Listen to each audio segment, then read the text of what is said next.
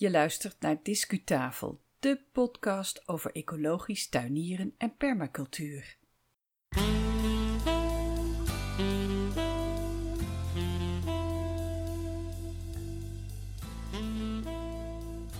Je hebt een episode gedownload van Discutafel. Dat is de groene audio over tuinieren, het buitenleven en duurzaamheid. Leuk dat je er bent. Dit is aflevering 93 van 14 januari 2021. Mijn naam is Yvonne Smit. Welkom in podcastjaar 2021. Vanaf nu kan je iedere vier weken een nieuwe aflevering horen in het Nederlands.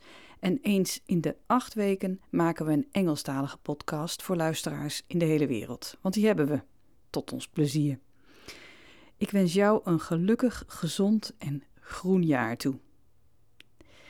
Discutafel is een serieuze nevenactiviteit van mij voor jou.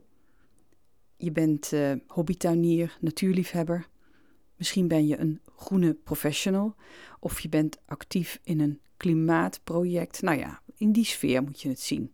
Het is voor jou bedoeld, Discutafel. Ik spreek bij Discutafel vaak niet over ik, maar over wij. En dat komt omdat Discutafel onderdeel wil zijn van een groter geheel. En ja, ook persoonlijker gezien, daar zit nog wel iets meer achter. Want destijds was het een project van twee personen. En die ander, Marlies, die is helaas niet meer fysiek onder ons.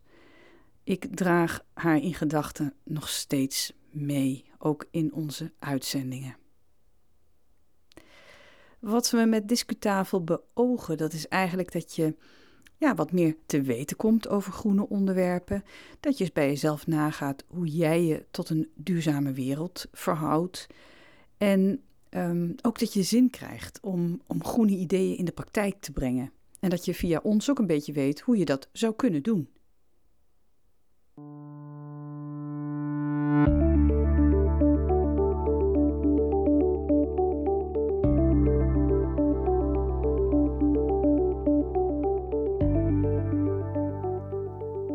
Ook in 2021 weer van alles ontdekken in de podcast.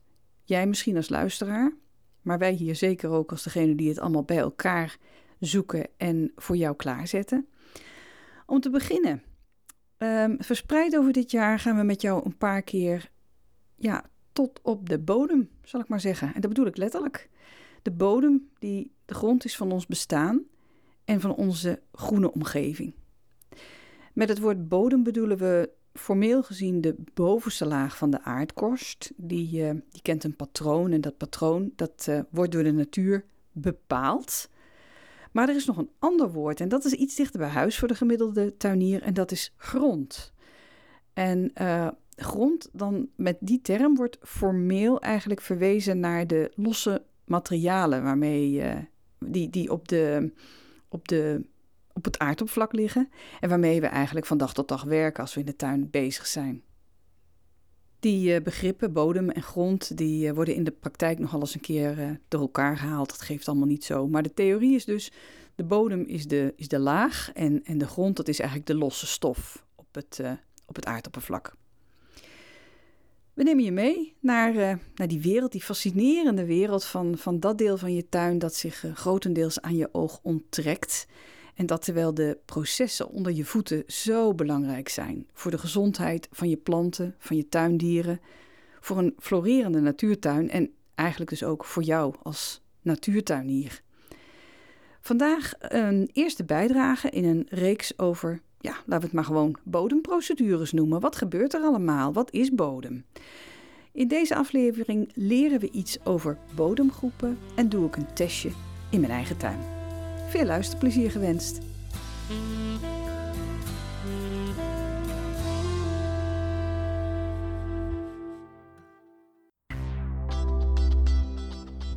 Discu-kennis.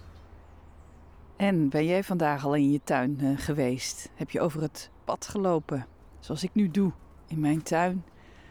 Misschien over het gezon? Heb je misschien groen geoogst vandaag?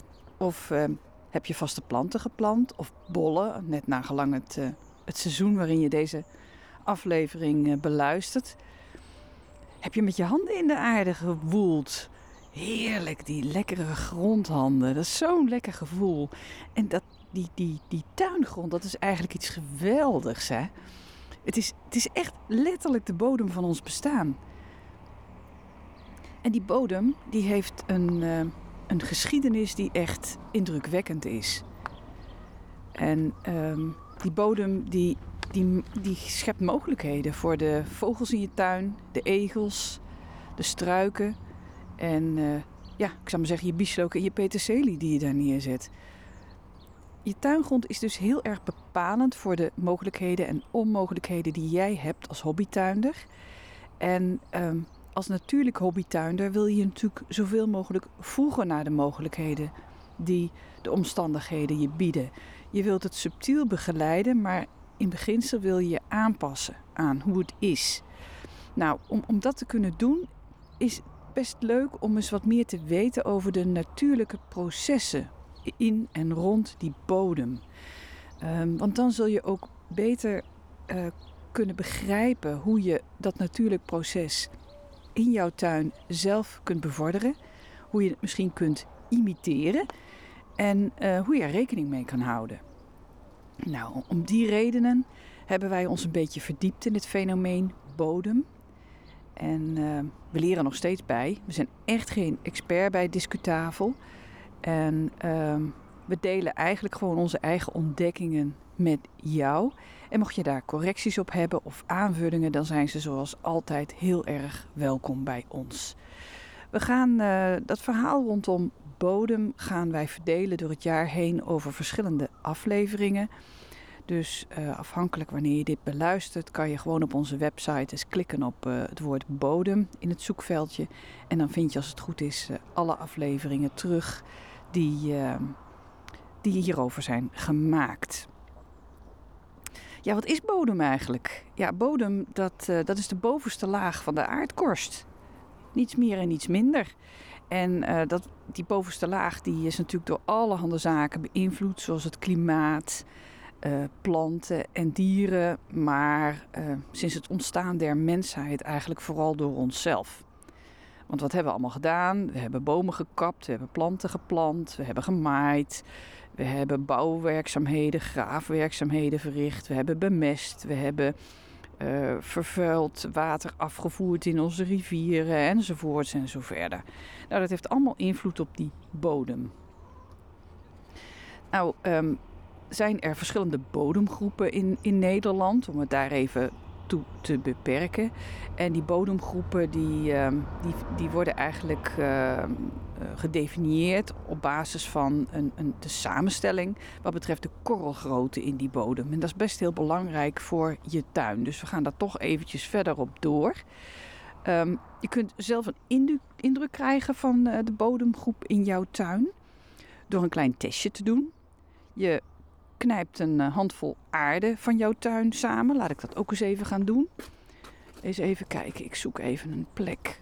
Wat niet al te veel door de kippetjes is beïnvloed. Die hoor je misschien op de achtergrond, die kippetjes. Even het hek van het kippetje wegdoen. Van de kippetjes wegdoen. Want dat vertel ik nog wel eens een keertje in een ander deel van de podcast. Kippen zijn heel leuk in de tuin, maar op sommige plekken vernielen ze de boel. We gaan hier um, even in een bed gaan wij een beetje aarde pakken. Zo, daar heb ik in mijn geval de koude aarde, want het is middenwinter dat ik dit opneem. Heb ik in mijn hand. Doe dat ook eens in je tuin. En ga eens kijken hoe dat voelt in je, in je hand. En knijp dat handje vol eens samen. En wat, dan open je je, je je hand weer, dat doe ik nu ook. En wat gebeurt er dan? Is het een los bergje op jouw handpalm, dan bestaat je bodem vooral uit zand of uit lemig zand. In mijn geval is het niet helemaal een los bergje. Um, nou, dat heeft mede te maken met het feit dat het nogal vochtig is vandaag. Als ik dit in de zomer zou doen, dan zou er een behoorlijk los bergje ontstaan. Want ik weet dat de bodem in mijn tuin, de grond in mijn tuin, vooral zanderig is. Maar dat is bij jou misschien heel anders. Als jij je handpalm weer opent en je ziet dat hapje tuingrond, dan kan je misschien wel een rolletje maken. En dan is het eigenlijk meer zandig leem of leem. En sommigen onder jullie die kunnen dat rolletje nog eh, buigen, ook nog tot een, tot een hoefijzervorm, die gewoon intact blijft. En als je dat kunt, dan heb je kleiig leem. En weer anderen van jullie die kunnen bijna een boetseerpraktijk beginnen met hun tuinaarde. Want eh, ze kunnen allerlei vormpjes maken daarvan. Nou, en dan is het klei. Nou, wanneer je dat allemaal weet, wat het soort... Daar gaat de grond weer in de, in de borden terug. Zo. Wanneer je dat nou allemaal weet, dan... Um, dat is best waardevolle kennis. Want de bodemgroep die je hebt, dus klei of leem, zand, misschien veen... Daar hebben we het nog niet over gehad, veen. Um, dat zegt veel over de doorlatendheid van je tuingrond, het voedselgehalte, heel veel over de manier waarop je dat het beste kunt uh, beheren voor een zo natuurlijk mogelijke tuin die helemaal naar jouw zin is.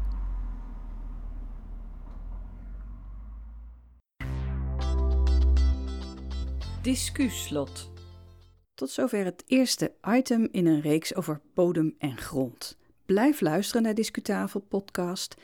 In afleveringen later dit jaar gaan we in op allerlei aspecten van uh, je tuinbodem, zoals doorlatendheid en voedselgehalte, het bodemleven, nou ja, meer van dat soort zaken. En natuurlijk ook manieren om je tuingrond goed te beheren. Weet jij daar toevallig iets van? Of uh, heb je een leuke ervaring, een leuke bodemervaring om te delen? Neem dan even contact op. De gegevens vind je op discutafel.nl. Ik hoor graag van jou. Dankjewel voor het luisteren.